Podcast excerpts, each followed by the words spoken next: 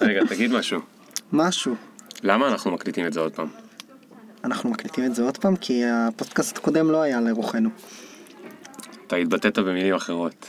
זה היה פודקאסט שאם אני חושב, שאני חושב שמי שישמע אותו פשוט ירצה למות. למה אתה חושב שהוא ירצה למות? כי מה שקרה זה שעברנו שנייה על הרזומה שלי לפני זה כדי שיהיה לכל המאזינים. רגע אנחנו התחלנו? רגע, כן, כן, כן. כן, אה, אנחנו- אנחנו און, כאילו. הכסף אה, דופק, אחי. הבנתי אז מה שקרה זה שפודקאסט כהכנה לפודקאסט הקודם בעצם כתבנו על נייר את כל הדברים שעשיתי כדי שיהיה לך איזשהו סדר בראש. כן. מה שקרה זה שעשינו חיים שכאלה. אז אתה התגייסת ל-8200. ואיך זה היה? אני הייתי אה, כזה? ואז, ואתה ילד בן 18 ואתה מתגייס לצבא. ואז אתה... ואיך זה מרגיש? איך זה מרגיש? אה, ואז הרגשתי שאני נמצא בפרק של היפים והאמיצים. ו... אבל בלי נכנס- היפים והאמיצים. ונכנסתי. לאיזושהי דמות של אה, קרח ומטומטם שאני לא מצליח לצאת ממנה כאילו אני מנסה כזה לספר על החיים שלי בצורה מאוד יפה ו... אפילו לא אמרת וסס- מומינים פעם וסס- אחת. וססגונית לא אמרתי מומינים לא אמרתי אתה יודע שאני לא ידעתי בכלל שיש מומינים בעולם עד שהייתי חבר שלך באינסטגרם.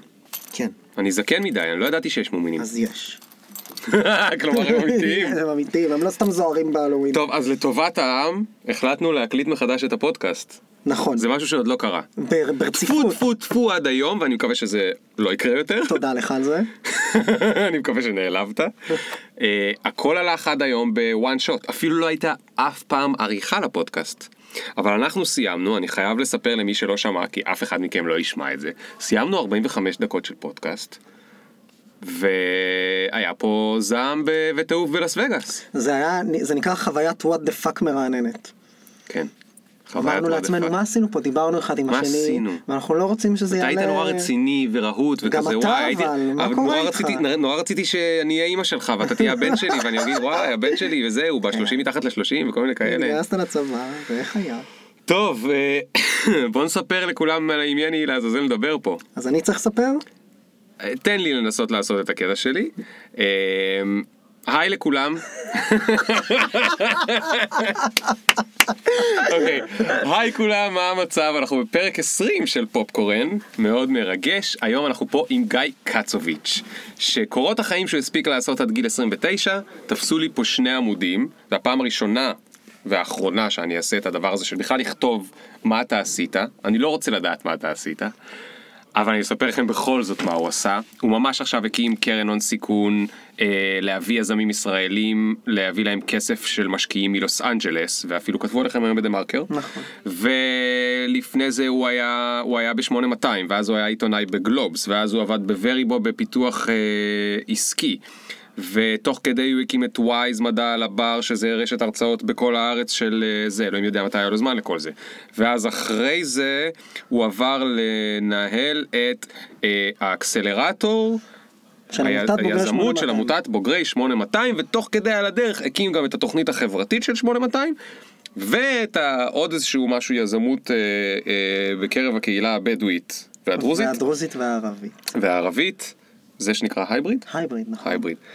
אז את כל זה הוא עשה לעזאזל ומה שעשינו ב-45 דקות הקודמות זה אנחנו כאילו ראיינו אותו לכתבה בגלובס עיתונאית על מי הוא אה, אה, גיא קצוביץ' אבל אני מכיר קצת את קצוביץ' ויש לו עוד רבדים שלא הצלחנו לחדור אליהם ואני חייב להודות שגיא כעס יותר ממני למרות שזה היה נשמע מאוד מחמיא אבל למה כעסת בעצם? כי זה היה מאוד מזויף. זה היה נשמע הר- מזויף. הרגשתי שאנחנו עוברים על המסלול חיים שלי מבלי לדבר על, על במה זה כרוך באמת או מי אני.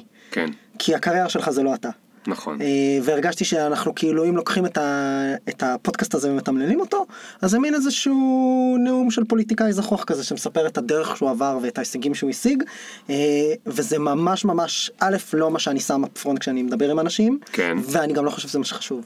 אני גם מסכים איתך. טוב, אז גיא קצוביץ', אה, אנחנו מתחילים בעוד שנייה. Yeah. Boop, boop, boop, boop. One time. Ring the alarm, hot ass nigga. Big ass head so my dreams get bigger. Big campaign strong so my flows get sicker. Confidence bigger than a drunk ass nigga. Look, I'm מה קורה גיא? בפעם השנייה היום.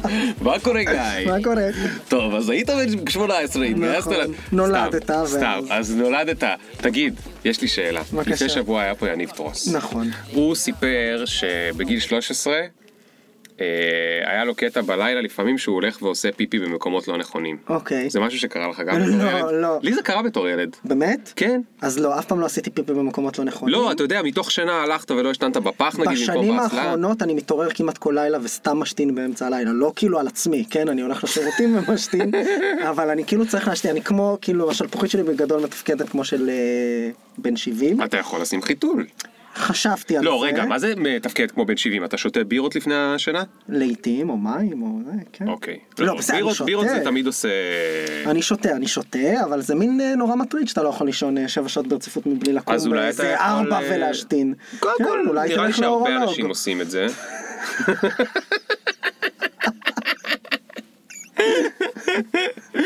אוקיי, תשמע קצוביץ', איזה מזל שלפני המוזיקה אני סיפרתי על כל המיליון דברים שעושים. כן, עכשיו אפשר אה, כן, לשבור את התדמית זה- לרסיסים. תקשיב קצוביץ', שזה מה שרצינו. אחרי שסיפרנו את כל הדברים המטורפים האלה שאתה עושה, אלוהים יודע איך, איך כאילו זה. אני אשאל אותך רק על הדברים שמעניינים אותי, יופי, אוקיי? נהדר. תגיד לא מעניין אותי מה עשית בווריבו, היית סמנכ"ל פיתוח עסקי באיזה סטארט-אפ, היה מאוד מאתגר. היה מאוד מאתגר, היה מאוד כיף. הסטארט-אפ הזה, אני לא זוכר מה הוא עושה, אני זוכר שהוא לא כל כך עניין אותי, אז אני, אל תעלה וריבו אם אתה מקשיב. לא בן אל. זה סטארט-אפ. איזה רועי? דויטש. אה, מג'ולט. כן. לא, הוא לא יעלב, בטח שהוא לא יעלב. אמ, אבל כן מעניין אותי, זה שאתה היית, היית בצבא במודיעין ב-8200, נכון. נכון? ונהיית עיתונאי. וכן אני רוצה לדעת איך לעזאזל מישהו נהיה עיתונאי. אחרי שהוא היה בחיל המודיעין. איך מישהו נהיה עיתונאי, אז, נקודה. אז אני תמיד אהבתי לכתוב. אה, מאז שאני זוכר את עצמי אני כותב למגירה, אני כותב שירים, יש לי אומנים. אה, יש גם בלוג שתחזקתי באיזשהו שלב מסוים וכתבתי בו אה, מסות פוליטיות מגוחכות. אה, ו- הם היו מגוחכות או שהיום הם מגוחכות בעיניך? הם גם היו, וגם היום הן מגוחכות עוד יותר. במרחב הזמן הן הן הולכות ומגחיכות. אוקיי. אה, וכשהשתחררתי מהצבא, למה כתבת שם שביבי צריך להיות אני המלך? אוהב את ביבי. אוקיי. ממש. אה, לא, האמת שזה היה מין ניתוחים פוליטיים, יאיר לפיד סטייל, כאילו, הכל מאוד אה, שטוח והולך למחנה המשותף הנמוך. אה, אתה יודע, מין מאמר שמתיימר להיות אה, פוסט בפייסבוק שסוחף לייקים, כאילו. אוקיי. אה, ובפועל זה היה גם לא אותנטי, גם לא עמוק וגם לא מחדש, אבל היו אנשים מסוימים שהתחברו לזה, כיאה לפוסטים כאלה, זה זה בסדר בסדר. גמור. אבל הבלוג הוא באמת לא חשוב, הוא היום יושב בארכיון האינטרנט, מי שרוצה יכול למצוא אותו באתר איפה יושבים. היומנים שלך שכתבת? היומנים יושבים בבית. אה, בבית אה, יש לי איזה שמונה, שמונה מחברות, אה, יומן. התחלתי לנהל אותו בגיל 17 בעקבות החברה הראשונה שלי. לנהל אותו. לנהל, לנהל גם את אותו, היומנים שלך אתה מנהל? כן, אני אומר להם, אתה לא יכול סתם לכתוב. יומנים. אני מחלק להם משימות ואז הם כותבים את עצמם. האמת לא, ש- כאילו, אתה בן אדם מפגר, מה אתה עשית עד גיל 29? עשית, כאילו, אנשים בשלוש, בשלוש, סליחה שאני צוחק, אני לא יכול, בשלוש תקופות חיים לא מספיקים לעשות את מה שאתה עשית עד גיל 29, ועכשיו אני מבין, כי בגיל 17 אתה כבר ניהלת יומנים, אתה ניהלת אותם, שמת אותם בסדר. אז אני אסביר למה זה מצחיק לו"ז. לכל מי שמקשיב לנו עכשיו, כי עד לא מזמן אנחנו בילינו 45 דקות בלדבר בכזו רצינות, ועכשיו זה כאילו ההפך הגמור. אז אני רק אגיד, לא באמת ניהלתי אומנים, אבל יצאתי אז עם מישהי שהייתה החברה הראשונה המשמעותית שלי, והיא כתבה יומן מגיל באמת קטן, וזה עורר בי השראה, וככה התחלתי לכתוב. אוקיי. אה, איך נראה היומן הראשון שלך, אתה זוכר? זה מחברות, מחברות דפתר כאלה. דפתר, חומות. ארוכות, יש חומות, יש כל מיני, אתה יודע, זה קצת ב... מחבר... כן, מחברות דפתר חומות, חלקן חומות. אוקיי. אה, וחלקן מחברות ספירלה יותר גדולות. אה, אתה יודע, A4 סטייל. תגיד, וכשיש לך. חברה אתה מסתיר אותם בבית? חברה שלך, הייתה לך פעם חברה שקראה את המחברות? אותה חברה, כן. אה, אני ממש עושה לה פה שיימינג, כן, היא יצאה לה פעם אחת לקרוא ואני גם קראתי ביומן שלה קצת, אבל, אה, אבל בגדול לא, אני, לא שאני יודע. לא שאני יודע, אני לא מסתיר את זה במיוחד. זאת אומרת, בנות זוג שיצאו איתי והכירו אותי מספיק זמן, ידעו שיש יומן שמתעדכן בחדר, וכנראה גם ידעו איפה הוא נמצא, אני רוצה להאמין שהם לא פתחו את המגירה ו- וקראו אותו. תשמע, אני רוצה לספר לך סיפור. כן. פעם אחת הייתה לי חברה, הרבה מאוד זמן, ואז היא הייתה באיזשהו טיול ארוך, ונסעתי לפגוש אותה, והיה לה אה, יומן שהיא ניהלה, וישבתי בחדר, היא הלכה לשירותים להתקלח, לא זוכר לאן לאכול, ישבתי בחדר ש... עשר דקות או משהו ורק רבתי עם עצמי להציץ ביומן או לא להציץ ביומן, להציץ ביומן או לא להציץ ביומן, כי היא הייתה בטיול ארוך בלעדיי. ואז אמרת יומנים נקראו- נכתבו כדי שיקראו אותם. נכון. ואז קראת. לא קראתי, הצצתי ל... ככה, פתחתי את הדף, סגרתי אחרי שנייה. הספקתי לקרוא עשר מילים, עשר מילים יותר מדי. לליאור יש זה- סתם. אה, זה, אוקיי. זה נורא. אז. אה, תראה, אבל אני- יש לנו תחושת מציצנות. יש תחושת מציצנות. אני בהתחלה, בשנים הראשונות, התחלתי לכתוב את היומן בגיל 17. ובשנים הראשונות כשאתה כותב את היומן, או ברגע, לא יודע אם בשנים, אבל בחודשים הראשונים, אתה כותב ואתה ניגש למלאכת הכתיבה מתוך איזושהי מחשבה שמישהו יקרא את זה. אוקיי. ואתה משכנע את עצמך שאתה כותב דברים שהם לעיניהם של מישהו מה שנקרא, לא משנה של מי, זה יכול להיות לעיני האקסיט שלך, או לעיני ההורים שלך, או לעיני הבוס העתידי שלך, או קולגה בעבודה, או חבר טוב. ובשלב מסוים אתה פשוט uh, מתפכח מזה ברמה הנפשית, ומבין שתהליך הכתיבה הזה הוא סוג של הזדמנות מאוד נדירה, שהמון אנשים לא עושים וצריכים לעשות יותר, של לעבד רגשות ותחושות שצפים בהם במהלך היום-יום. אה, עם עצמך, אבל באמת עם עצמך. אה, ולכן אין שום תבנית לאיך שאתה כותב אה, יומן, או איך שאני כותב יומן, בעיניי. יש פעמים, כמה ימים, נגיד בשנה, שאני פתאום יכול למצוא, למצוא את עצמי כותב כל יום, או כמה פעמים ביום, ואז לא לגעת ביומן כמה חודשים או שנה. אוקיי. אה, וגם הכתיבה עצמה היא לא, אתה יודע, פעם היו פסקאות, וזה היה מסודר ומסועף, ועם נושאים, והייתי מחלק את החיים שלי לכמה רבדים, לחברות וקריירה וזוגיות, ומספר בכל אחד איך אני מרגיש. והיום זה יכול להיות סתם בליל של מילים אסוציאטיביות או, או, או כל דבר אחר, וזה כאילו, וזה בסדר, כי זה שלך, ואני אגיד לך בכנות, אני לא מצפה היום, אני, אני לא רק לא מצפה, אני לא הייתי רוצה שאף אחד יקרא את זה אוקיי. בשום שלב. תגיד, כן, ביומנים האלה, כן. כתוב שאתה רקדת בלט בכיתה י"א? אה, כתוב, כתוב. יש שם גם חוויות אה, סיפוריות. הרבה פעמים אתה מוצא שאתה חווה דברים, ואתה פשוט רוצה לספר אותם לעצמך, כן, רקדתי בלט אה, בי"א-י"ב, בלט קלאסי ומחול מודרני, ושם אה, הכרתי גם את בת הזוג הראשונה שלי, כן. בלט קלאסי ומחול מודרני. כאילו, זה שני חוגים נפרדים? זה שני שיעורי טכניקה שונים בריקוד, Mm, אה, ואתה מתרגל את שניהם. אני באתי לזה בלי ניסיון בכלל, הייתי בכלל בהגנה עצמית. אה, בדניס הישרדות, אתה מכיר?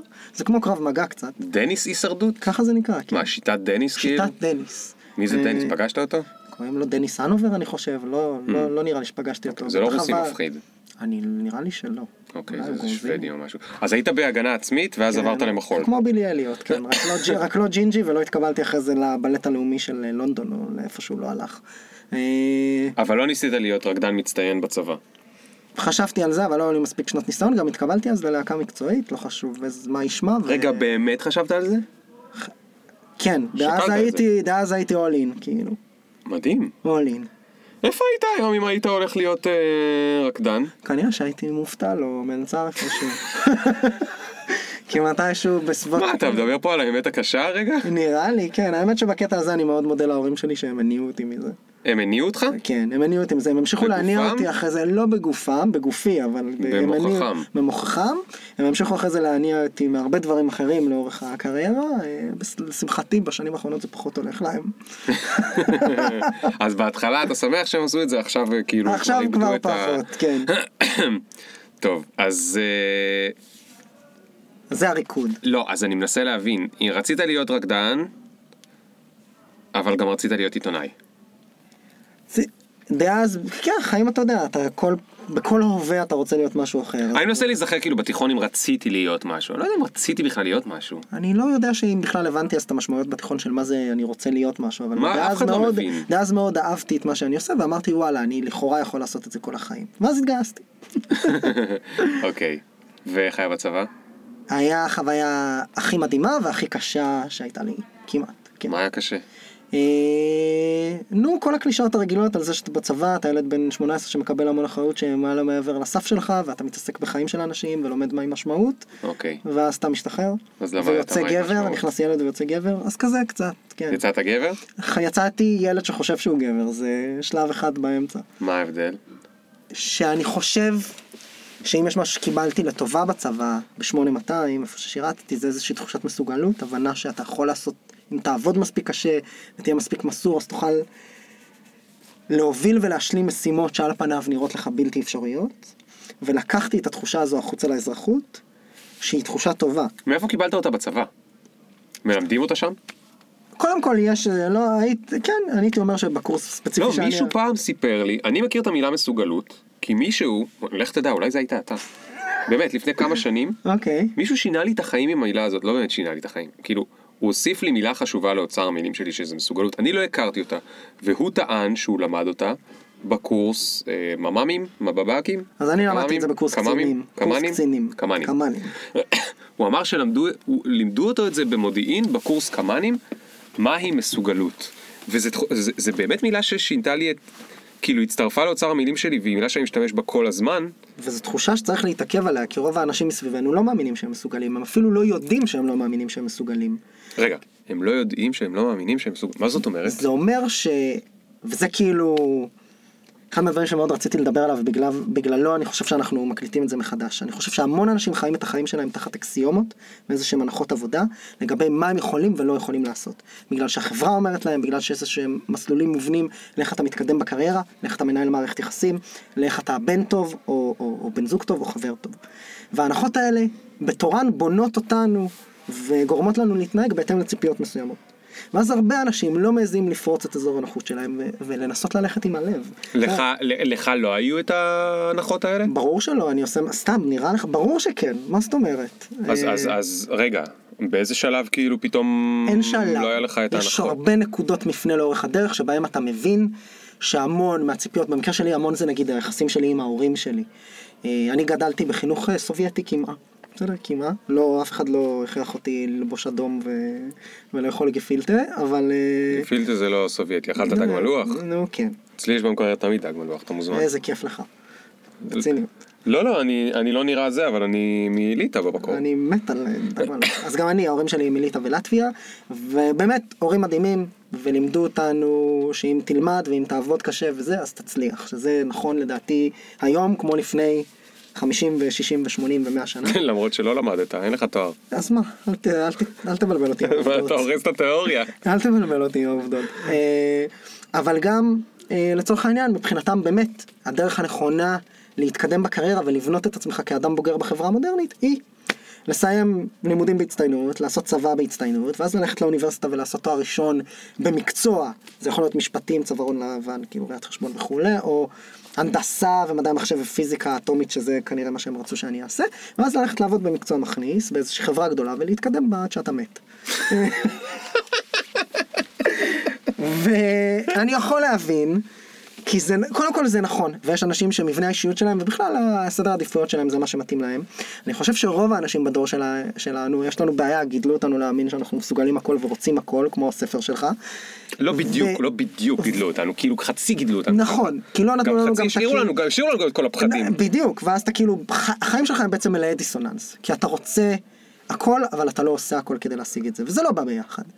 ואני חושב שבסוף, אם אתה רוצה, בכל דבר, בזוגיות, בחברות, ביחסים עם ההורים שלך והמשפחה שלך, וכמובן בקריירה, אם אתה רוצה לקחת חלק במשהו יוצא מן הכלל, אז אתה צריך לעשות את הדברים בצורה יוצאת מן הכלל. וכשאני מדבר על יוצאת מן הכלל, אני לא אומר על מדהים, אני טוב, אני... אתה צריך לחשוב אחרת. יוצא ולעשות- מן יוצא הכלל, מן איך הכלל, נהיה שכולם literally. literally נכון, יוצא מן נכון. הכלל. אין דרך אחרת, כי אם יש לך, סתם, באוניברסיטת תל אביב רוצה לומר, ואני מקווה שאני צודק במספרים, עשרת אלפים סטודנטים שלומדים ב-at a time, ואתה אחד מהם, אז אתה אחד מהם. נקודה. עכשיו, שוב, אפשר להתווכח, והאקדמיה כבודה במקומה, כן. וזה כמעט פילוסופי על אקדמיה לאן במאה ה-21, ומחק... וגם מחקר זה לא משהו שאני מזלזל בו, אבל אקדמיה כאיזשהו מסלול שאנשים עוברים בו בדרך לקריירה, אני חושב שכבר היום הרבה מהדור שלנו וגם מהדור של ההורים שלנו, מתחיל to debate כאילו האם זה באמת הסיפור, ו- ולמה ואיך. כן. אמ, אז סתם זה לגבי זה התואר. אגב, אתמול, אתמול הייתי בכנס הצעירים הראשון של אגודת הסטודנטים ומפעל הפיס. אוקיי. בעולם סמולארש בתל אביב, היית שם בטח פעם. כן. אז יש שם, לא יודע, 400-500 אלף, אין לי מושג כמה תלמידים ישבו שם. ואז היה לי שקף שנקרא איך לא תהיה אחד מאלף. ואז אמרתי להם, כאילו בדיוק את מה שאתה אומר עכשיו, תשמעו, יושבים פה נגיד אלף מהנדסים, אלף עורכי דין, אלף זה, אלף זה, לא באמת, אבל כל אחד מכם הוא אחד מכל האלף האלה. תבינו שכרגע המסלול שאתם הולכים בו, שזה מסלול שבו אתם לא מנסים לחשוב באופן פרואקטיבי איך אתם יוצאים מהאלף הזה, זה מסלול שהוא מועד לדיראון. יש ביניכם עשרה מתוך האלף שלהם ילך מדהים. הם יטפסו על הסולם וילך להם מדהים, יהיו העורך דין הכי טוב, החשבונאי הכי טוב וזה, וכולי, המהנדס הכי טוב. כל השאר מיועדים לחיים, או, או הרבה מהם לחיים מלאי באסה ותסכול. בסדר, אבל קל לנו להגיד, בסוף אתה מדבר לאנשים האלה, ואני מדבר עם הרבה אנשים שמתייעצים איתי, ואני מניח שגם איתך, ובסוף מה שכולם מתמודדים איתו, זה התובנות האקסיומטיות האלה לגבי איך לחיות את החיים, והפחדים. אבל. אולי אם הם ישמעו את זה מאה פעם, אז אה, האקסיומה תתחיל אה, לזוז. אז בוא נדבר על הפחדים. אוקיי? אני חייב שתהיה לי עבודה מסודרת. זה, זה לא פחד, זה הנחת מוצא שנובעת מפחד. אני חייב שיהיה לי תואר. אני חייב שיהיה לי מקצוע.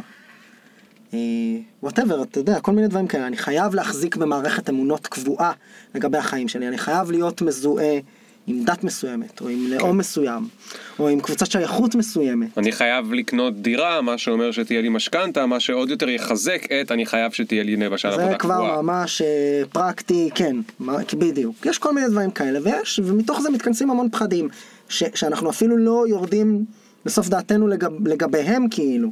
מה יקרה אם אעשה אחרת ואכשל? בסדר? ולא אצליח, ולא יקבלו אותי לעבודה, ואני לא מתאים, ואני לא מסוגל, ואם אני רק אעשה את זה, אז, אז זה כן יצליח.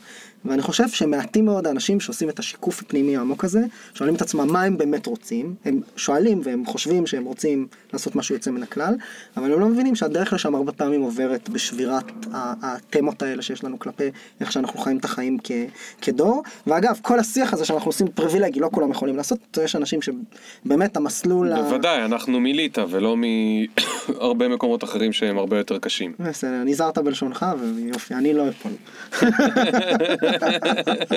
לא, למשל, אנחנו גברים, נכון? נכון, אנחנו גברים לבנים. אנחנו, בוא נגיד מה אנחנו כן. לואי סי קיי תמיד, לואי סי קיי, אתה מכיר לבנים, שלואי סי קיי אומר לילדות שלו? שהילדות שלו מתלוננות שהאוכל לא טעים, וזה אומר להם, מה נסגר איתכם? You are white man in New York. כאילו, היצור האחרון שיכול להתלונן על פני כדור הארץ, זה white man grown up in New York. גברים, אשכנזים, מבית טוב, משכילים, יהודים במדינת ישראל, אתה במצב טוב. נכון, נכון. במצב טוב, וגם אני, וכל השיח הזה הוא שיח, אה, צריך להבין, השיח הזה הוא, הוא, הוא, באמת אולי-. אבל אולי זה גם אומר אחת כמה וכמה. על אחת כמה וכמה כן, כי היום לפחות כשאתה מסתכל על כל הנתונים במקרו, אז ניידות חברתית כמעט ולא קורית, אה, גם לא במדינות מערביות אה, אה, יותר סוציאליסט. כאילו, תסביר למי שלא מכיר מה זה אומר ניידות חברתית. היכולת שלך מוביליות להיוול... לפעמים. מוביליות חברתית, היכולת שלך להיוולד, אני לא מכיר בדיוק את ההגדרה הכלכלית, בסדר? אבל אני אשתמש במונחים כלכליים כדי להסביר אותה, לפחות כמו שאני מבין את זה אינטואיטיבית, זה כמה אחוז מהאנשים שחיים בעשירונים התחתונים מבחינה כלכלית במדינה, מסיימים או עוברים או עולים במהלך חייהם לעשירונים העליונים יותר. אבל, רגע, רגע, רגע, יש לי אה, אבל, יש לי כן. אבל, יש לי נגדך, יש לי טיעון נגד. כן. תראה מה זה. במקרה כתבתי עליו בספר שהרגע הבאתי לך מתנה. אבל תקשיב רגע. דווקא, אתה יודע, אה, אה, אני הולך להתחיל להרצות במכללה למינהל. לכל החוגים אני הולך להעביר להם את אני רוצה הכל. ולמה זה הלהיב אותי? קפצתי למכללה למינהל. עכשיו, אני למדתי, אני לא כמוך. תוכל לשכנע אותם אני לא. כמוך, אני אקדמאי. אני הלכתי לטכניון. אחר כך אומרים לי, בחורצ'יק, אתה פריבילגי, לא משנה שאני לא עושה שום דבר בחיים שלי שקשור ללימודיי בטכניון, אבל אומרים לי, אתה פריבילגי, היית בטכניון, מה החוכמה? אז הלכתי למכללה, הלכתי למכללה למינהל לפגוש שם את, ה, את הנשים המדהימות של המרכז לייעוץ קריירה, whatever, ואני מסתכל על החבר'ה, ויש שם, בגלל שזה המכללה למינהל, יש שם את כל ה... זה, זה לא כמו, כמו שהיה לי בטכניון, 80 אחוז רוסים, עוד 10 אחוז אה, אה, זה, ו-10 אחוז ערבים, ושם כולם באמת מכל גווני הקשת, כל גווני החוקים, כל הזה. ופתאום חשבתי שדווקא עבורם העולם החדש הזה שאנחנו חיים בו, הוא הרבה יותר מפתה, אוקיי? אם הם ילכו במסלול הרגיל שבו הם למשל מנסים להיות מהנדס, מצליח, שעובד בחברת הייטק ויתקבל וכולי, יש להם הרבה פחות סיכוי מול הבחור מהטכניון. אבל אם הם יבואו מהכיוון של שימוש במדיות כמו בלוגים, יוטיוב, אפילו פייסבוק, מקומות שבהם אתה יכול להשתמש בטכניקות אחרות לגמרי ולא שואלים אותך, אף אחד לא שואל אותך כאילו, כדי להיות, שיהיה לך ערוץ מצליח ביוטיוב, שתלמד משהו או שזה, אף אחד לא שואל אותך כאילו איפה למדת, לאף אחד לא אכפת. יש כאילו פתאום, בזכות הא- האינטרנט והעולם החדש הזה, יש מלא סוגים של עבודות חדשות, שבהם דווקא יש לך סיכוי אולי יותר טוב מהם, כי תראה אותי, מה קרה לי? הלכתי לטכניון, אני כאילו הייתי בתוך השיטה, וזה מה שגרם לי להבין שאני לא במסלול שאני רוצה בשביל עצמי, רק עשר שנים יותר מאוחר. אתה מבין? כאילו ברור. הייתי דווקא במקום היותר אה, קל, אבל שאני לא הייתי מרוצה ממנו. נכון, זה אומרים שמה שנקרא פעם כדי להיות אה, אמן מצליח היית צריך ללמוד בבית ספר נחשב למוזיקה, להתאמן הרבה וללכת לאודישנים ובסוף אתה יודע היית מתקבל לאיזושהי להקה ואולי איזשהו סקאוטר או סוכן היה פוגש אותך והיום אתה מעלה סרטונים ליוטיוב ויום אחד אתה ג'סטין ביבר, כן אפשר להתווכח על אה, אם כולנו רוצים להיות ג'סטין ביבר אבל... לא, אבל יש כאלה שהם אבל לא- אני, זה זה- פשוט, זה דוגמה מאוד אקסצנטרית כאילו לאיך אה, בן אדם נהפך להיות כוכב בינלאומי על ידי זה נכון, אבל לידו פופולריים. יש הרבה כוכבים אחרים שהם עובדים מאוד קשה. ודאי. לא אמרתי שהוא גם, הוא- אני לא יודע כמה קשה הוא עבד או לא עבד, אני רק אומר שזה היום דרך אחרת אה, להצליח, לפחות בתעשיות מסוימות. נכון. אה, וכן, ואם אתה מסתכל לאחור על המסלול הנורמטיבי של מה שנקרא צבא, טיול, לימודים, אה, ואז עבודה מסודרת, אז אני את רובו לא עברתי, לא עשיתי לו טיול ולא עשיתי לו תואר ראשון, מיד הלכתי לעבוד בגלובס באמת. אה, ואז את כל שאר המסלול ש, שתיארת.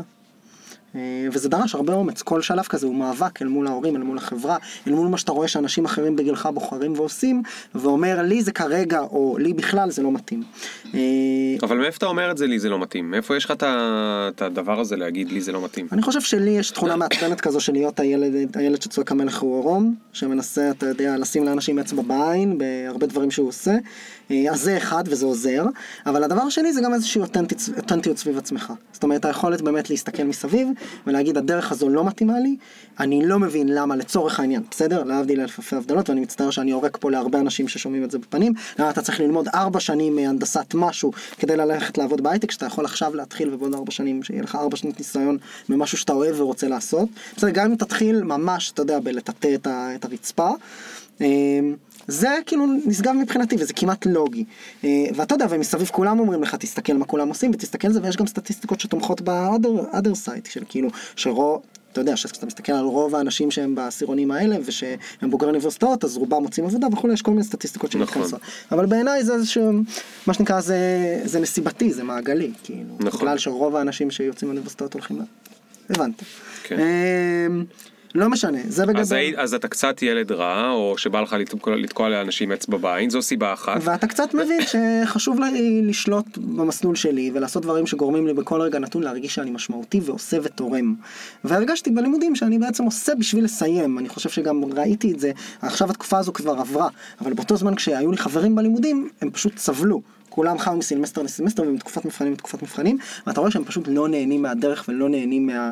מהיום יום, יש את הרובד של החיים הסטודנטיאליים, אני שם אותו בצד, אבל הם לא נהנים מהיום יום. כן. אה, ואני הרגשתי שזה, שזה לא משהו שאני רוצה לעצמי. ומה ההורים שלך הרגישו כלפי זה? שאני מטומטם. אז איך הם הסבירו לך את זה? פעם ביום, פעם בשבוע, פעם בחודש? כאילו כמה פעמים שמעת שאתה מטומטם? הרבה פעמים, עד שבשלב מסוים לא דיברנו כמה חודשים, כי אני סירבתי, ואמרתי להם, עד שאתם לא מכירים בזה שאני לא חוזר לאוניברסיטה ולא מתחיל תואר ראשון, אלא בוחר במסלול קריירה שהוא שלי וייחודי לי, אין מה לדבר. אני ילד גדול, אני אדם בוגר, יש גבול. אה, עכשיו אני מניח שהרבה אנשים נתקלים בזה, כי אני נתקל בהרבה אנשים מהמיליה שלנו, באותם הורים, שהם כאילו מצד אחד אנחנו נתמוך בכל מה שתעשה, כן. אבל מצד שני, ברגע שהם לא מוצא חן בעיניהם משהו שאתה עושה, הם אוכלים לך את הראש, ואז בסוף מסיימים ב, אבל תעשה מה שבא לך. אה, אז אני אמרתי להם... אם, נשאר, אם, אם אה, שרדת את אכילת הראש. עם הראש שלך, כי אם אתה יכול לשמוע, כי אכלו לך את האוזניים. אז אה, מה שהסכמנו אליו, ואני חושב שזה המצב היום, זה שאנחנו מוותרים על החלק של אכיל- אכילת הראש ומתחילים מ- תעשה מה שבא לך. אה, אני לא אגיד לך... תשאל אם אמא שלי תשב פה ותתראיין, להגיד לך שהיא לא מודאגת, והיא לא יודעת מה יהיה עם הבן שלה, והיא לא מבינה, אה, ולמה אני עושה את זה, ומה אתה דפוק כאילו, לך, תלמד תואר, תעשה עבודה, תתחתן, אתה כבר בן 29, עוד כאילו, עוד שנייה אתה מת. התחתנתי בגיל 37. עוד שנייה אתה מת, גיא, מה קורה? נכון. אז, אז היא תגיד את זה, אבל אני חושב שהיא, שהיא, ההורים, אני אל מול ההורים שלי, וזה נכון גם אל מול מיליה וקהילות אחרות ב, ב, ב, בחיים שלי, כמו חברים הכי טובים, קולגות, אה, הסביבה הרחוקה יותר, למדתי להבין שיש דברים שהם האני שלי, הדברים שאני מאמין בהם, אה, ואיתם אני הולך עד הסוף. תגיד, מה יכול לעזור לאנשים לקבל קצת מהחשיבה הזאת?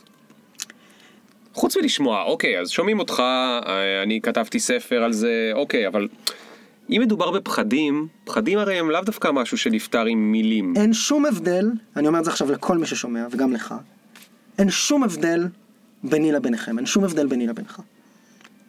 אנחנו לא מוכשרים יותר, ואנחנו לא חכמים יותר, ואם הקמנו עמותה, או הקמנו סטארט-אפ, או מקימים עכשיו קרן הון סיכון, whatever, אין שום הבדל. אז מה ההבדל? ההבדל הוא שאנחנו ניסינו הרבה יותר פעמים ונכשלנו הרבה יותר פעמים לפני שהתחלנו להצליח. אפשר גם להתווכח על מה זה הצלחה, כן? אני רק אומר, אין שום הבדל. אה, לי, בכל צעד שבו התחלתי בחיים, במעבר מהצבא לגלובס, מגלובס לסטארט-אפ ומהסטארט-אפ לתוכנית יזמות, ומהתוכנית יזמות לקרן הון סיכון, באף אחד מהם, כשהתחלתי, לא היה לי מושג מה אני עושה. בשום צורה. דמיינתי חלק מהדברים, היה לי רעיונות, היה לי מאווים, הרבה מהם התנפצו על קירות המציאות, אה, אחרים לא התנפצו וקרו, ובגדול רוב התהליך הוא תהליך של איטרציה בלתי פוסקת שלך עם המציאות. אבל מאיפה, אבל תשמע, קודם כל מדהים, אבל זה, זה ראייה מאוד מאוד בוגרת, כאילו... התנפצת, שזה קורה להרבה אנשים מההתנפצות, אבל בדרך כלל מההתנפצות נש, נשארים שם שברים. אין בעיה, מה, מה, מה זה איך- שברים? איך- איך- איך- אין, איך אין מבחן מהשברים? אחד, זה לא, אנחנו חיים במין עולם שבו עד שיוצאים מהלימודים, כאילו באמת החיים מחולקים לאיזושהי הצלחה וכישלון נורא ברורים. היה מבחן, עברת, לא עברת, הצלחת, לא הצלחת, הצלחת, אתה מצטיין או לא מצטיין. בחיים אין כזה רגע, אף אחד לא בא ונותן לך ציון. אתה עושה עכשיו עבודה טובה? שואל אותך. בחלק מהדברים כן, בחלק מהדברים אבל לא. זה נורא רך וזה נורא תלוי נכון. בפרשנות שלך ובפידבק נכון. שאתה מקבל מהסביבה והכל נורא ספורדי וכל כך שביר. היום מישהו שולח לך מייל, "אה, איזה יופי, אהבתי את הפודקאסט שלך, אה נהדר, אתה עף על עצמך. מחר אה, אתה מקליט פודקאסט עם גיא קצוביץ' ומקליט אותו מחדש כי היה חרא. אז כאילו, את, אין, המדד הכי טוב להצלחה הוא בסוף המדד הפנימי וההבנה שלך אה, שאתה נמדד על פי אמות המידה והסטנדרטים שלך. ואם אנשים נמצאים בעבודה שהם לא אוהבים, או במערכת יחסים שלא מתאימה להם, או מנהלים חיים שלא טובים להם, והם קמים כל בוקר ומסתכלים במראה ואומרים, "אה, למה? אה, זה בערך מה שהם אומרים, כי הם לא אומרים מילים אמיתיות, אז צריך לשנות משהו. כן. וזה המדד היחיד, אז השינוי מה, מה התמידי היית הזה. מציע להם לעשות? לא להפסיק לפחד, כי אתה לא מפסיק לפחד, אלא להבין, להת... להתמודד עם הפחד, בסדר? לא להתגבר, גם להתמודד עם הפחד. להבין שבעידן של היום, אנשים שרוצים, שוב, ואני חוזר על זה, לעשות דברים יוצאים מן הכלל, צריכים לה, כאילו לעשות דבר, אותם באמת יוצא מן הכלל, ליטרלי, פעם אחת.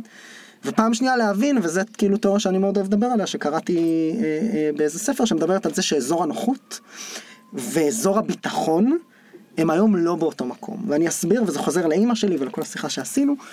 מה האימא אומרת? גיא, תעשה תואר במדעי המחשב, לך תעבוד באינטל, תהיה ראש צוות, תתקדם להיות ראש מחלקה וכולי, ותצא לפנסיה, זה הסיפור, נכון? שם אתה בטוח. שם גם, זה אני אומר, רגשית, מנטלית, הרבה אנשים מרגישים בנוח. עשיתי את המסלול, אני עכשיו פה, ואני אתקדם וכולי. אתה, אתה מבין למה אני אומר? זה קצת רך, אבל... מה זה אני מבין? מבין- אחוז. נהדר. עכשיו זה נכון, זה נכון להרבה אנשים וזה נכון בלא מעט מקומות. אני כן טוען שבהסתכלות יותר מקרואית, זה שגוי. היום אתה הכי בטוח איפה שלא נוח לך.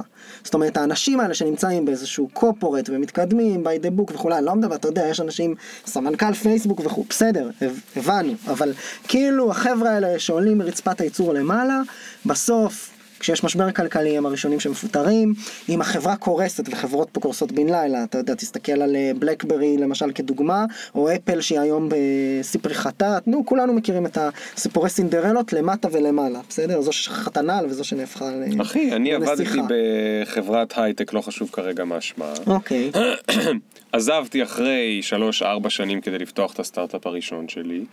הם כולם שם סיפרו לי שאני חתיכת דביל, כי בסטארט-אפ אין 10 ביס, ואין אה, קרן פנסיה, ואין קרן נאמנות, ואין אוטו אה, של חברה, ואין משרדים עם אה, חדר כושר בלמטה, וכולי וכולי וכולי וכולי. ולפני איזה חצי שנה, אחר כך איזושהי חברה קנתה אותם, ואז התחילה לדלל אותם, ואחרי חצי שנה סגרו שם את המפתחות, וכולם, כל מי שנשאר פוטר. כן. ואז התקשרו אליי לשאול כאילו מה, אני עושים? מכיר עבודות.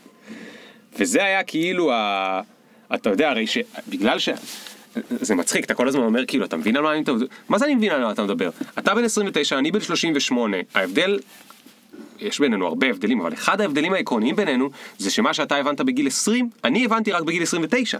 הבנתי. אוקיי? וכל מה שאתה עברת מגיל 20 עד 29, אני עברתי רק מאז עד היום. זאת אומרת, אני הלכתי לפי אותו אה, מסלול, הבנתי. שחשבתי שהוא בטוח ונוח וכולי, וכשפתחתי את הסטארט-אפ הייתי צריך כל הזמן לריב עם עצמי ולשאול את עצמי, למה לעזאזל, אתה יש לך פה חודשים שאתה לא מושך משכורת, יכולת להיות בהייטק ולעשות טונות.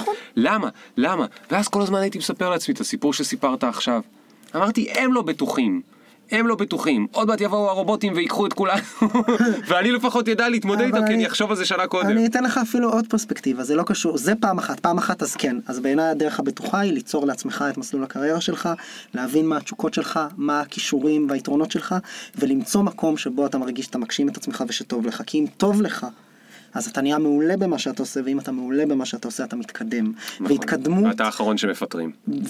ומפטרים או שאתה האחרון שמפטר את עצמך כי אתה עובד עבור עצמך, ובכל מקרה, התקדמות גם היא לא, היא היום לא טורית. היום מעטים מאוד האנשים שאני מסתכל עליהם, גם מהחברים שלי בגילאים שלי, בשנות ה-30, שמנהלים מסלול קריירה. שיש להם profession, הרבה אנשים הולכים לרוחב, הולכים לצדדים, הולכים באלכסון, הולכים שלושה צעדים אחורה כדי להגיע שני צעדים קדימה, כי היום אה, אנחנו גם דור שכל הזמן מחפש משמעות ומחפש את התפקיד והמקום שבו הוא יגשים את עצמו, והדיסוננס הזה בין זה שאנחנו מחפשים את זה ללא מוצאים את זה, הוא בלתי פוסק עבור רוב האנשים.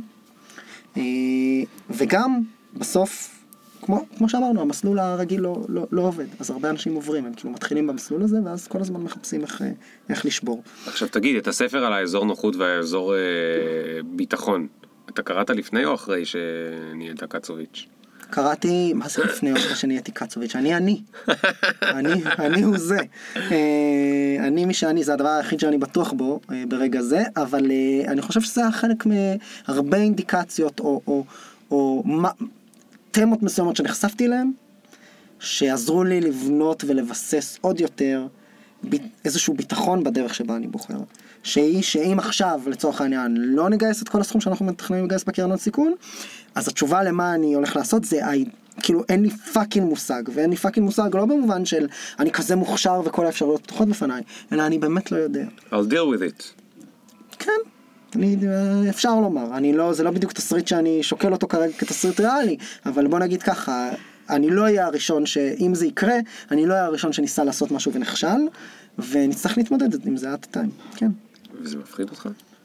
לחשל, אתה קם לפעמים? לא, לא לחשל, שלא תצליח לגייס כסף אה, לקרן. מה זאת אומרת? הכל מפחיד אותי. מפחיד אותי שאני לא אצליח, מפחיד אותי גם שאני אצליח ואז לא אצליח אה, להשקיע בחברות טובות. מפחיד אותי שאני אצליח להשקיע בחברות טובות ולא אצליח לתת להם ערך. מפחיד אותי שאני אצליח להשקיע בחברות טובות ואצליח לתת להם ערך והם יגייסו סיבוב נוסף ואני לא אשתתף בו.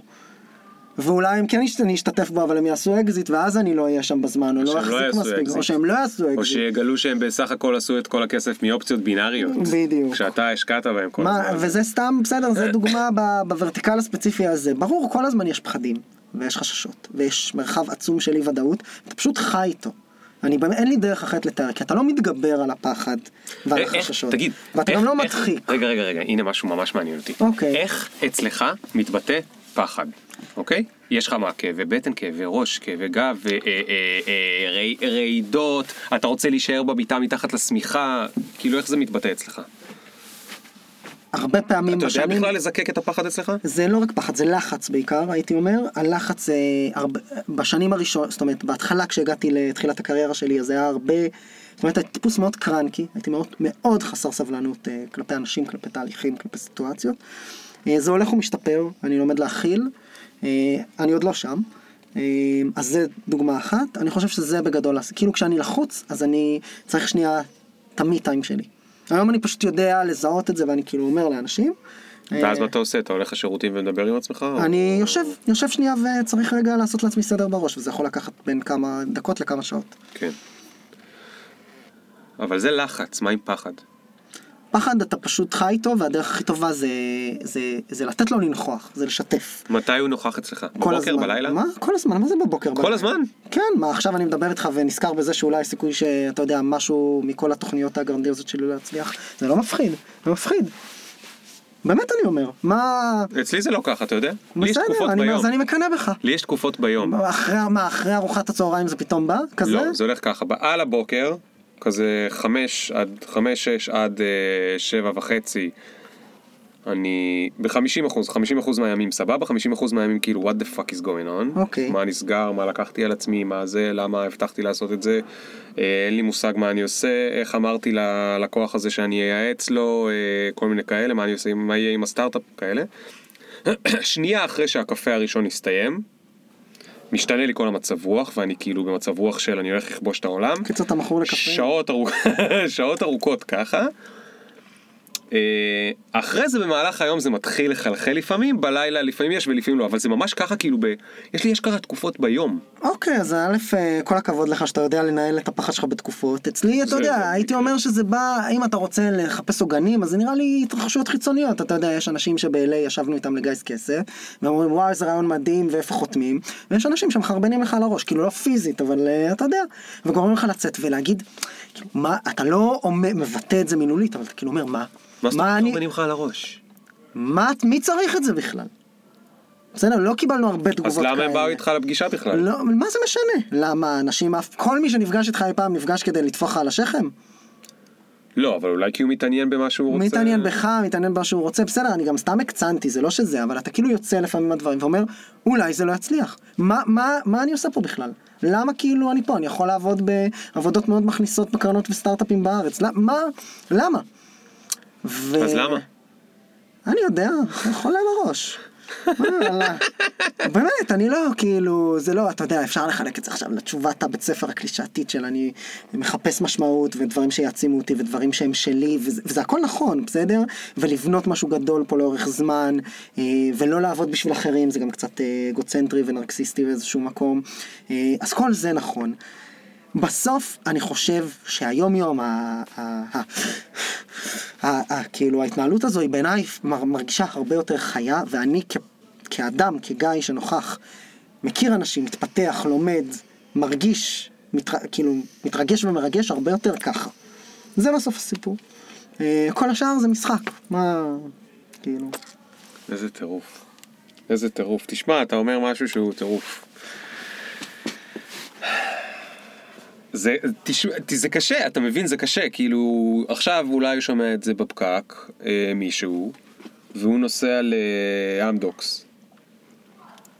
ויכול להיות, ו- והוא מעולה לו בעבודה, אבל לידו, באוטו לידו נוסע עוד מישהו לאמדוקס. והוא שומע את מה שאתה אומר, ו- ובא לו לבכות, כאילו... מה, מה זה הדבר הזה, כאילו, מה... איך אני גם? איך אני גם? אף, אני חושב שבסוף האירוניקה, האירוניה, האירוניקה, האירוניה ב...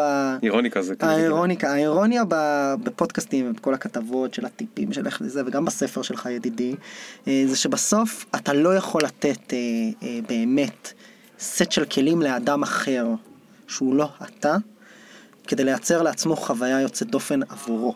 כי אנשים הם מאוד שונים, ומבנה האישיות שלהם שונה. אני שם בצד את כל אלה שטוב להם, לצורך העניין במסלול שלכאורה אנחנו פה, מה שנקרא, קצת בזים לו מהצד ושלא בצדק. אנשים שלומדים... לא, מי, מי, שטוב, מי שטוב לו וזה כיף לו, אבל הכל- הוא לא, לא אין בעיות. אני אומר, אבל אנשים שמרגישים שמשהו חסר, או שהרבה חסר, לכל אחד חסר משהו אחר, וזה דורש קודם כל התמודדות פנימית והתבוננות פנימית, כדי להבין מה אני רוצה, או מה לאורך החיים שלי חרמן אותי, לא במובן הפיזי, אלא במובן המנטלי, רגשי, נפשי, ואיפה אני רוצה להיות כדי להמשיך לקבל את הריגוש הזה ולקבל את, לא יודע, או תחושת המשמעות, או האושר, או האושר, או הסיפוק מהדברים שאני עושה, בקר... בקר... לפחות בפריזמה של הקריירה.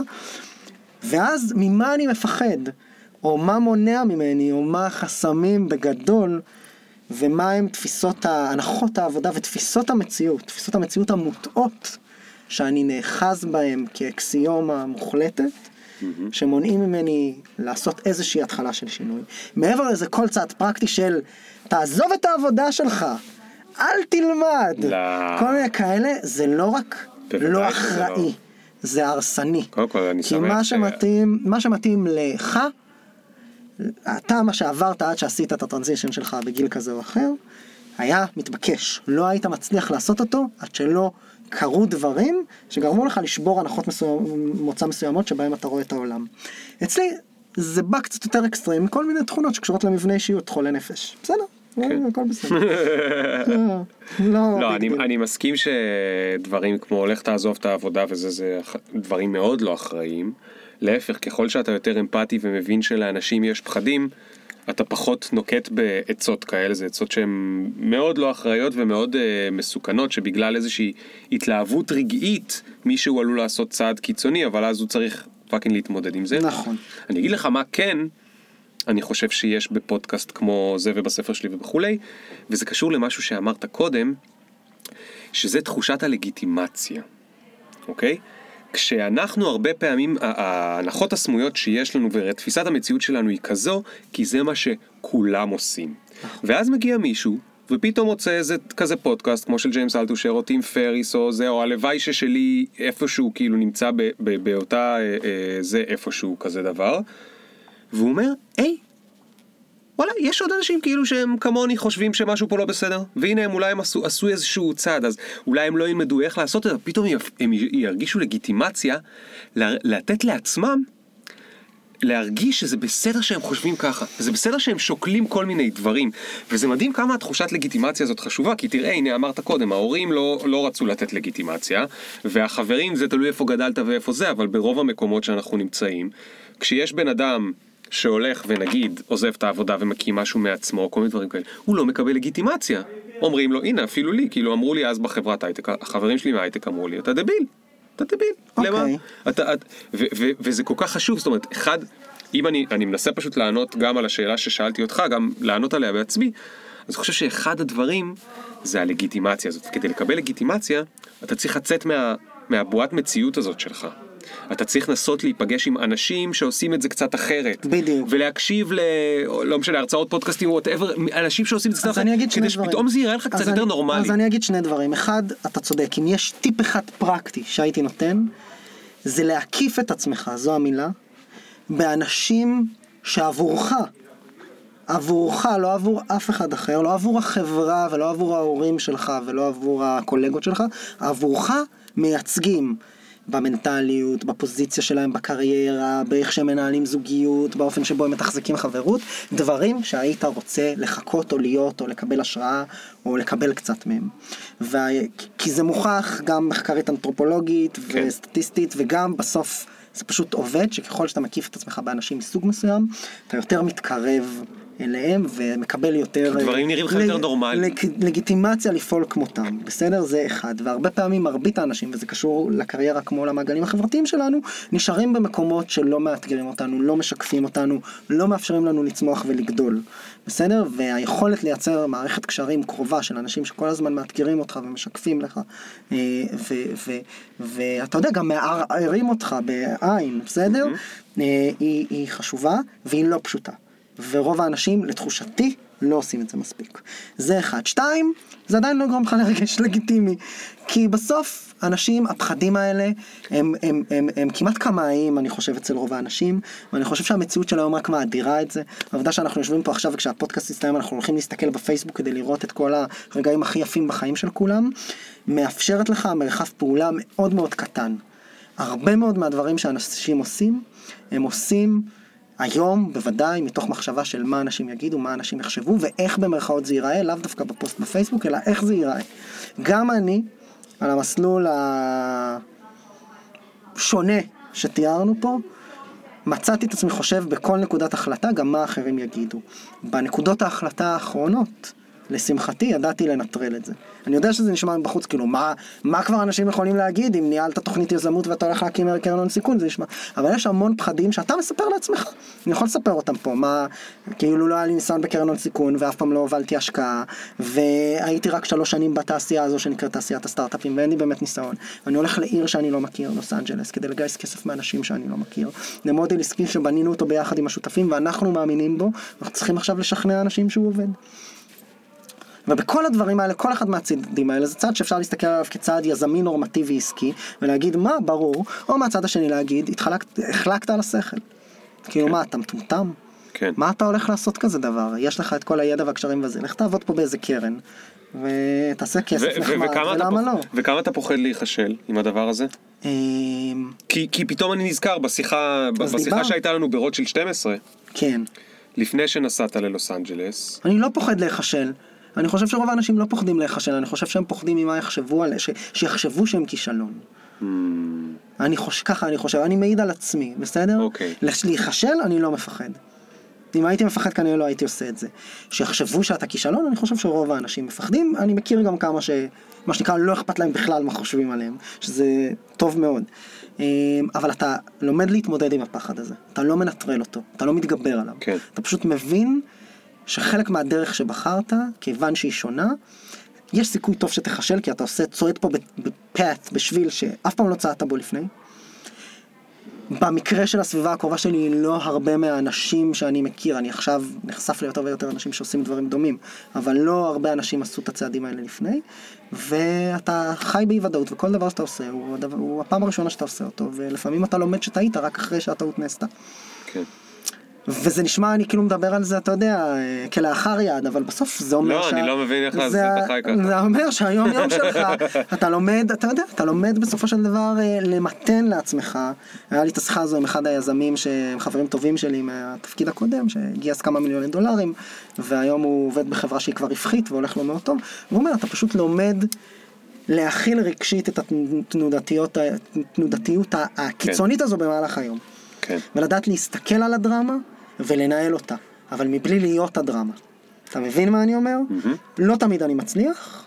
אני חושב שככל שהזמן עובר, אני מצליח את זה יותר ויותר גם בקריירה וגם בחיים האישיים. לי מאוד עוזר אה, המדיטציה בשביל הקטע הזה. אז אני עכשיו בדיוק עושה- מתחיל. שאני עושה, אתה מתחיל? כן. מאוד מאוד כדאי, אני מאוד רבה. מאוד ממליץ. ושאני עושה, לא יודע אם אתה יודע את זה עליי, אבל אני נוהג לישון אה, שנ"צים, כמעט כל יום. אחת הסיבות שאני לא רוצה שלא יהיו לי בוסים, כדי שאני אוכל לישון שנ"צים, אני מתחיל לעבוד מאוד מוקדם, מסיים בדרך כלל מאוחר או מאוד מאוחר, ובאמצע אבל יש לי שנ"צ.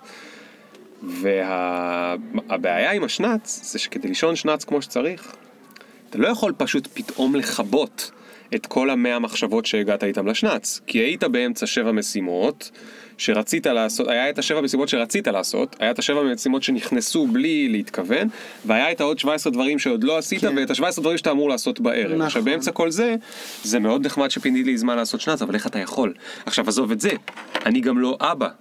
אבל יש, אה, יש אנשים שהם גם בנוסף לכל זה, הם עכשיו במעמדי ובגילי, הם גם אבא צעיר. אז בנוסף לזה, יש להם גם את הילד שהוא בגן, נכון. וזה, ונפלה לו עשן, ויש לו זה, ו- ו- וחטף שפעת וזה, והתקרה נוטפת. עכשיו, איך, לך תעשה שנץ. נכון. עכשיו, הרי למה אני רוצה לעשות שנץ? לא רק כי אני רוצה לשים זין על כולם ולהגיד אני יכול לישון שנץ. למרות אני רוצה לעשות סיבה שנץ כי אני מספיק טובה. רוצה, נכון, אבל אני רוצה לכבות רגע. אני רוצה רגע זה, אבל כדי להיכנס אליו, אני חייב לעשות קצת מדיטציה. זה יכול להיות שלוש דקות, זה יכול להיות עשרים דקות. ואחד הדברים המדהימים שהמדיטציה עוזרת לעשות, זה לגרום לך, כמו שאמרת, להסתכל על הדרמה מהצד. ולהגיד, רגע, אוקיי, אני עכשיו נותן למחשבות שלי כאילו ל... ל... להשתגע ולזה, אבל אתה כאילו מצליח במדיטציה, אתה, אתה זז הצידה, ואתה מסתכל על עצמך משתגע. ואתה אומר, יואו, איזה דפוק. מה זה, 100 מחשבות בשעה, בשנייה, כאילו, טה טה טה יואו, לא נורמלי. ואז מה שקורה לך אחרי שאתה עושה את זה מספיק חודשים, שבאמצע היום, כש, כשיש לך בראש בבת אחת חמישה דברים ממש כזה, אתה מצליח כאילו לצאת מעל הראש, להסתכל על הראש שלך מלמעלה, ולהגיד, יואו, אני חושב עכשיו על חמישה דברים במקביל, זה לא יכול ללכת ככה. כן. אני צריך להתעסק עם, לבחור כאילו מה אני מתעסק. נכון. שמע, גיא, זה היה הרבה יותר טוב מפעם שעברה. אני מסכים. הכי טוב שהיה לי עד עכשיו. כן, הכי טוב שהיה לך עד עכשיו. אולי נעשה גם סקס. אולי. לך תדע. אתה רוצה לשאול אותי איזה אה, שאלה חותכת לסיום? אני רוצה לשאול אותך מאוד שאלה חותכת לסיום. האמת שיש לי עוד הרבה שאלות לשאול אותך, אבל מכיוון שאנחנו מקליטים פה פודקאסט שני ברציפות, אתה יודע, נראה לי אני אעשה כזה ל, ל, למעריצים השרופים של הפודקאסט, אני אשחרר גם את הראשון כאילו בכזה... גרסת האנדרגראונד. גרסת האנדרגראונד, הגרסה הלא מוצלחת. אה, אז אתה נמצא במטוס? כן. נראה אם תנחש את השאלה. אתה נמצא במטוס? אתה נמצא במטוס, והמטוס הולך לעשות אה, נחיתת חירום, כן, ואתה מבין שזה הסוף של החיים שלך. כן.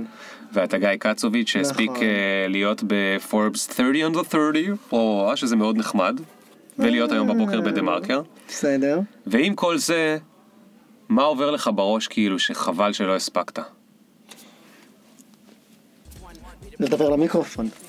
אה, מערכת יחסים אה, אה, אמיתית, כנה ואוהבת, שגם נמשכת לאורך זמן. אה, קיצור, זוגיות. די גרוע בזוגיות. אתה עכשיו מתחיל זוגיות עם הקרן שלך בעצם, כי זה... כן, לא קוראים לה קרן, זה קוראים לה ספלאש, אבל אה, אני מתחיל זוגיות עם הקרן, אבל זה לא... זה באמת בסוף בסוף בסוף, אה, אני חושב שרוב האנשים זה מה שמחפשים, מקום שבו הם יכולים להכיל ולהיות מוכלים, מחפשים אמפתיה אה, וחברות, וקשר חברות משמעותית, וכל מה שאתה עושה זה, אתה יודע, תשמע, זה הכל משחק. אני ממש ממש ממש מאחל לך את זה. אני מסכים, כאילו זוגיות טובה וכנה וחברית זה הדבר הכי מדהים בעולם הזה. יותר מזה, אני תמיד טענתי שכל מה שאני עושה בחיים זה כדי אה, להרשים את הבת זוג שלי, אני לא יודע אם זה נכון או לא, אבל אני רוצה לחשוב את זה כי זו מחשבה מאוד רומנטית בעיניי. וזהו, תודה רבה רבה רבה רבה גיא, ואיזה כיף היה. תודה.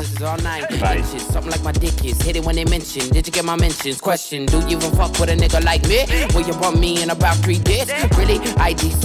Cause every time a nigga talk, they can't see the big up picture. Fuck your filter, me can't go run, but me can't repeat. No.